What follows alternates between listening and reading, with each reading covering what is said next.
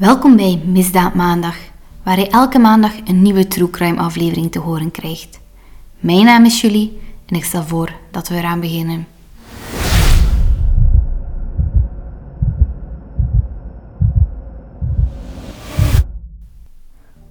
Op vrijdag 22 juli 2011 wordt Noorwegen getroffen door een gruwelijke terreuraanslag.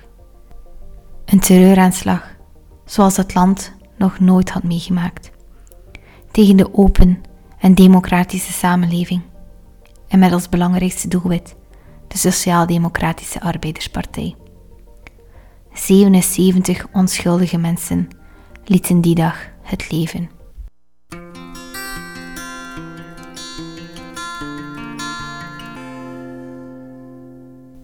Vrijdag 22 juli 2011. Om 3.26 uur in de middag explodeerde een autobom vlak voor de ingang van het hoofdkantoor van premier Jens Stoltenberg in Oslo, de hoofdstad van Noorwegen. Enkele delen van de regeringsgebouwen liepen door de explosie ernstige schade op. Na de explosie brak er een brand uit in een gebouw achter de kantoren van de premier. De kracht van de explosie werd deels opgevangen door een onderliggende parkeergarage.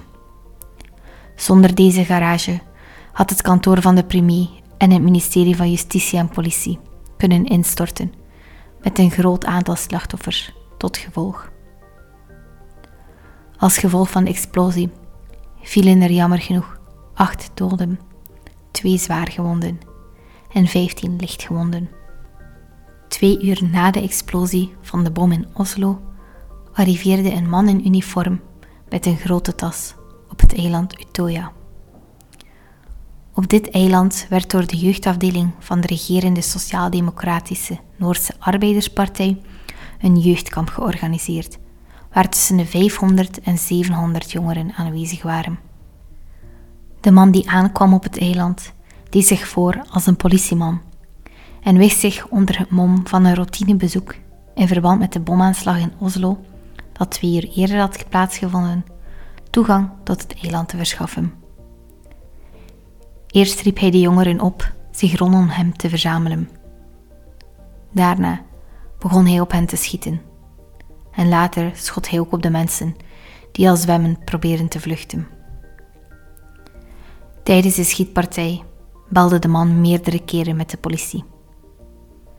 72 minuten lang kon de dader zijn gang gaan. Tijdens de schietpartij belde hij ook meerdere keren met de politie. Na aankomst van een antiterrorisme-eenheid gaf hij zich over en kon hij worden gearresteerd. 69 mensen lieten het leven op het eiland Utoya. De slachtoffers waren vooral jongeren die deelnamen aan het kamp. Ondertussen weten we allemaal al dat niemand minder dan Anders Breivik achter deze gruwelijke terreurdaden zat. Anders Breivik werd geboren op 13 februari 1979 in Oslo. Zijn ouders scheiden wanneer hij één jaar oud is. Zijn moeder is verpleegster, zijn vader een diplomaat die eerst op de Noorse ambassade in Londen en later in Parijs is gestationeerd. Zijn jeugd vindt hij zelf zeer positief. Hoewel hij bij zijn moeder woont, heeft hij alle gelegenheid om zijn vader te ontmoeten. Over zijn stiefvader heeft hij minder positieve woorden. Breivik omschrijft hem als een voormalig militair die nu vooral bij de hoeren in Thailand rondhangt. Hij groeit op in een liberaal Noors middenklasse-milieu met zelfs een lichte politieke voorkeur voor de Arbeiderspartij. Op zijn twaalfde komt Breivik in de hip-hopbeweging van Oslo terecht. Weliswaar in de meer bravere kant.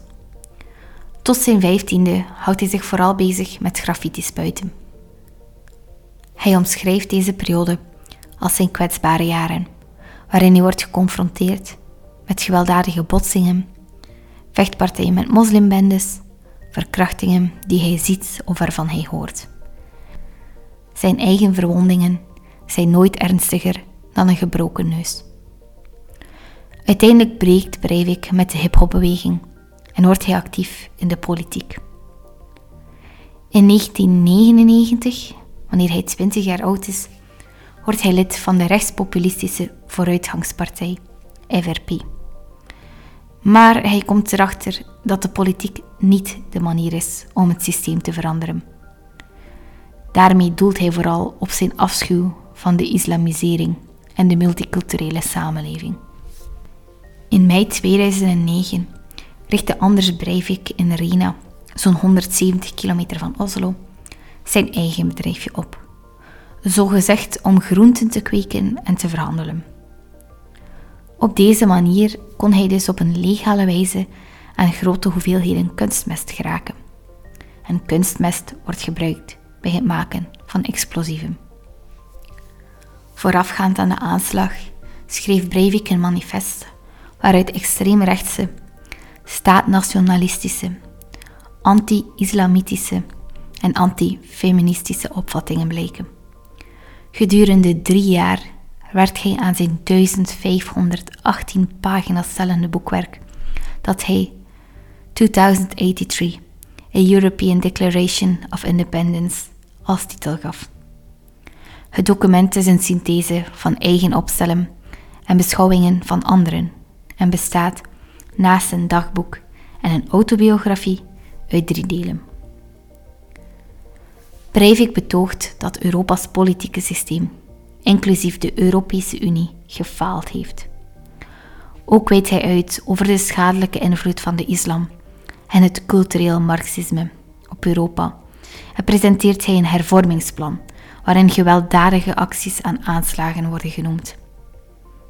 De islam en sociaaldemocratie noemt hij een bedreiging voor het humanisme, christendom en jodendom in Europa.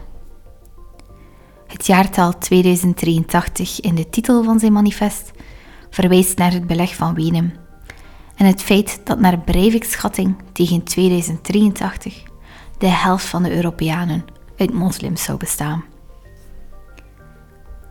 Breivik gebruikte het internet om zijn ideeën te verspreiden.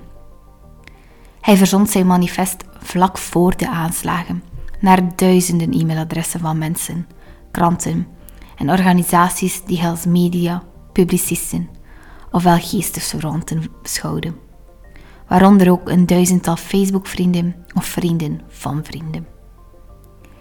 Breivik plaatste ook een video, The Night Templar 2083, die zijn manifest aanvult op YouTube. Deze video werd later verwijderd, maar we weten allemaal hoe media in elkaar zit. Dus natuurlijk circuleert de video nog steeds op het internet. Zijn manifest werd in 2012 naar het Nederlands vertaald door enkele sympathisanten. Zowel voor de bomaanslag in Oslo als voor de schietpartij op Utøya heeft Breivik een bekentenis afgelegd. Hij zei dat de aanslagen die hij jarenlang had voorbereid gruwelijk maar noodzakelijk waren. En hij beschouwt zijn daden niet als misdaden. Hij verklaarde ook dat hij alleen heeft gehandeld. Met de aanslagen wilde Breivik de Noorse overheid, en meer bepaald de regerende Sociaal-Democratische Partij van premier Stoltenberg, in de kern treffen.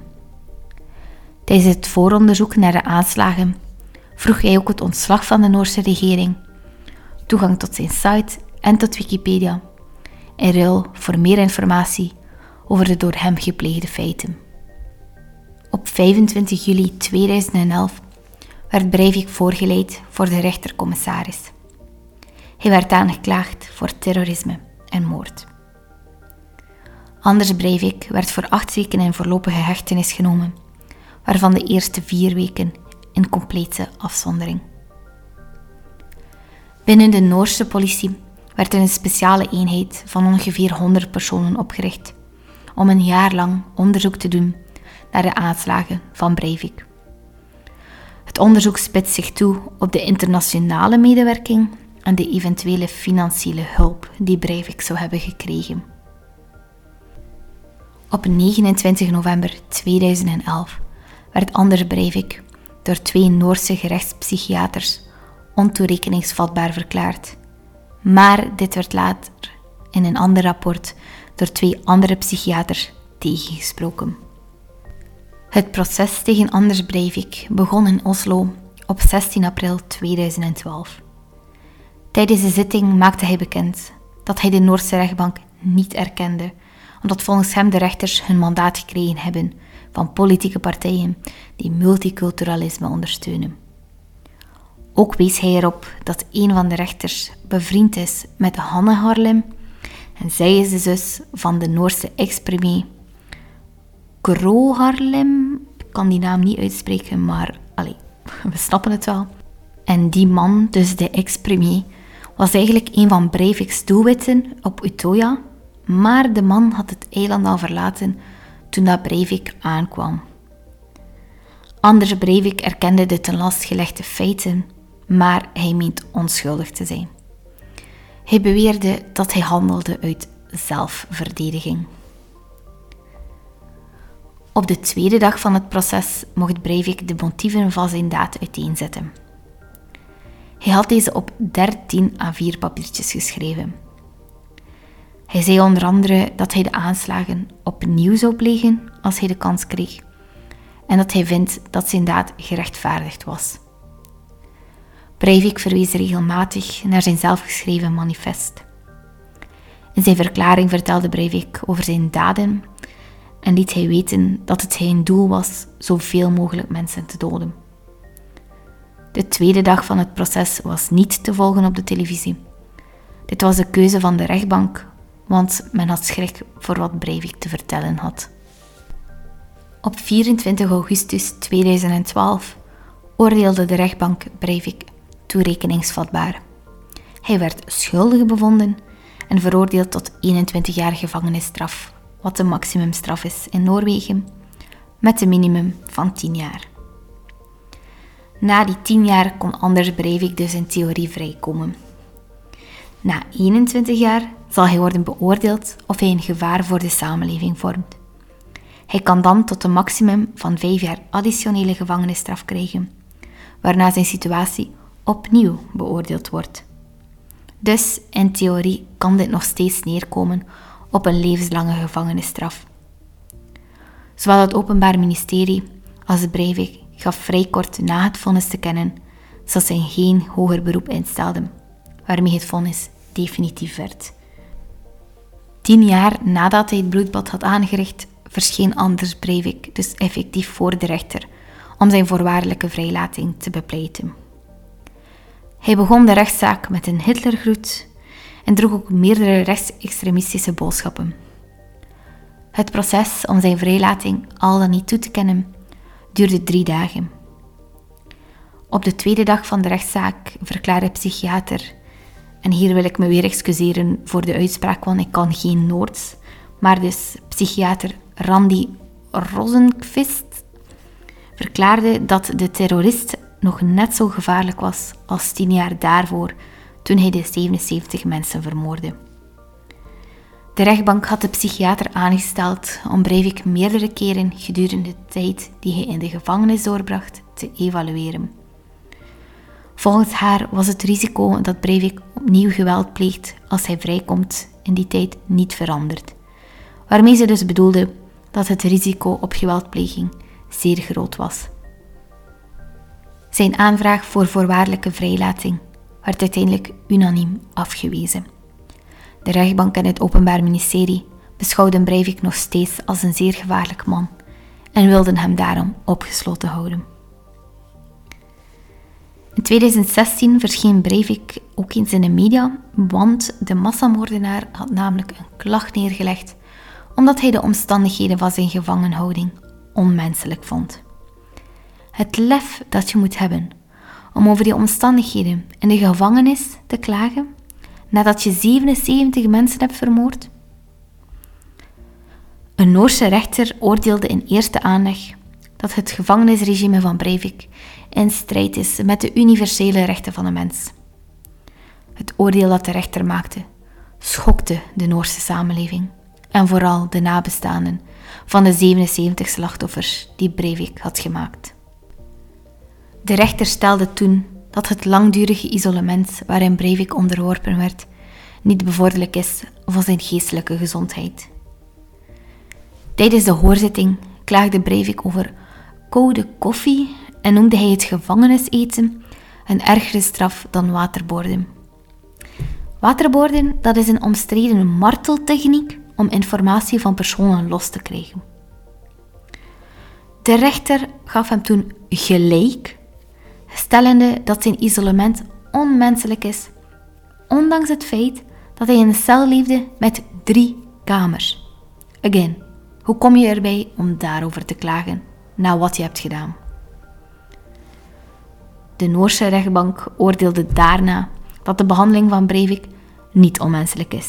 En daarmee wordt de uitspraak die in eerste aanleg werd gedaan vernietigd. Het Hof van Beroep in Oslo vertelde in een korte verklaring dat de rechtbank tot de conclusie is gekomen dat Anders Breivik niet wordt en nooit werd blootgesteld aan foltering of onmenselijke of vernederende behandeling. Ook het Europese Hof voor de Rechten van de Mens verklaarde de klacht van Breivik onontvankelijk. Het Hof oordeelde dat het niet gaat om een schending van het Europese Verdrag van de Rechten van de Mens. Ondertussen zit Anders Breivik nog steeds opgesloten in een Noorse gevangenis en heeft hij ondertussen ook zijn naam laten veranderen. Ik zal zelf geen moeite doen om het uit te spreken, want het zal toch weer op niets trekken. Maar weet eens dat hij zijn naam heeft laten veranderen en dat hij dus niet meer door het leven gaat als Anders Breivik. De aanslagen hebben het een en ander in beweging gezet in Noorwegen. De politie werd versterkt en de antiterrorisme-wetgeving werd verstrengd. Zo is voortaan in Noorwegen ook het plannen van een aanslag strafbaar voor iedereen die betrokken is, net als de deelname aan buitenlandse trainingskampen voor terroristen. Mocht je nog meer willen weten over deze verschrikkelijke aanslagen, online kan je heel veel terugvinden. Zowel informatie over de dader zelf als hetgene dat er op die fatale dag is gebeurd. Er zijn ook verschillende films en documentaires gemaakt. In 2012 kwam, en ik zal de titel in het Engels zeggen, ik waag me niet meer aan het Noors, maar in 2012 kwam Bravehearts uit. Het is een documentaire waarin vier jongeren met politieke ambities wordt gevolgd in de aanloop naar hun schoolverkiezingen, die vlak voor de officiële Noorse verkiezingen wordt gehouden. Maar dan krijgt de documentaire natuurlijk een heel andere wending, wanneer plots op 22 juli er een einde wordt gemaakt aan de onbevangenheid. Hoe kijken deze vier jongeren nu plots naar de wereld en zijn hun politieke ambities veranderd? In 2015 kwam de documentaire White Rage uit. Deze documentaire gaat over hoe bijvoorbeeld pesten op school of een jeugdtrauma kan leiden tot schietpartijen op scholen en andere extreme gewelddaden. En dat is ook iets wat we bij Breivik kunnen zien. De docu gaat niet over zijn daden, maar ik kan hierin wel goed zien hoe bepaalde mensen tot deze daden kunnen komen, hoe dat doorheen de jaren wordt gevormd. Ik heb de documentaire zelf niet gezien, maar ik vermoed wel dat ze de aanslag van Breivik bespreken en hoe dat, dat allemaal gelinkt staat. Je hebt ook de documentaire Norway Massacre, The Killer's Mind, gemaakt door Discovery Channel. En deze documentaire onderzoekt de motieven achter de aanslag en analyseert deze ook. In 2018 verscheen de film 22 juli, juli dan in het Engels geschreven, op een Netflix. Gebaseerd op de verschrikkelijke feiten die zich die dag hebben afgespeeld. En de film focust zich vooral op de nasleep van de verschrikkelijke gebeurtenissen en zoomt vooral in op de slachtoffers die op het eiland Utoya zijn gevallen. Ik wil deze aflevering van de podcast graag afsluiten met even stil te staan bij alle levens die verloren zijn gegaan tijdens deze verschrikkelijke terreuraanslagen. Ik kan moeilijk alle 77 namen opnoemen, maar dit betekent niet dat ze niet belangrijk zijn. Mijn gedachten gaan niet alleen uit naar de slachtoffers die zijn overleden en hun families, maar ook naar degenen die deze verschrikkelijke dag hebben overleefd en alles hebben meegemaakt.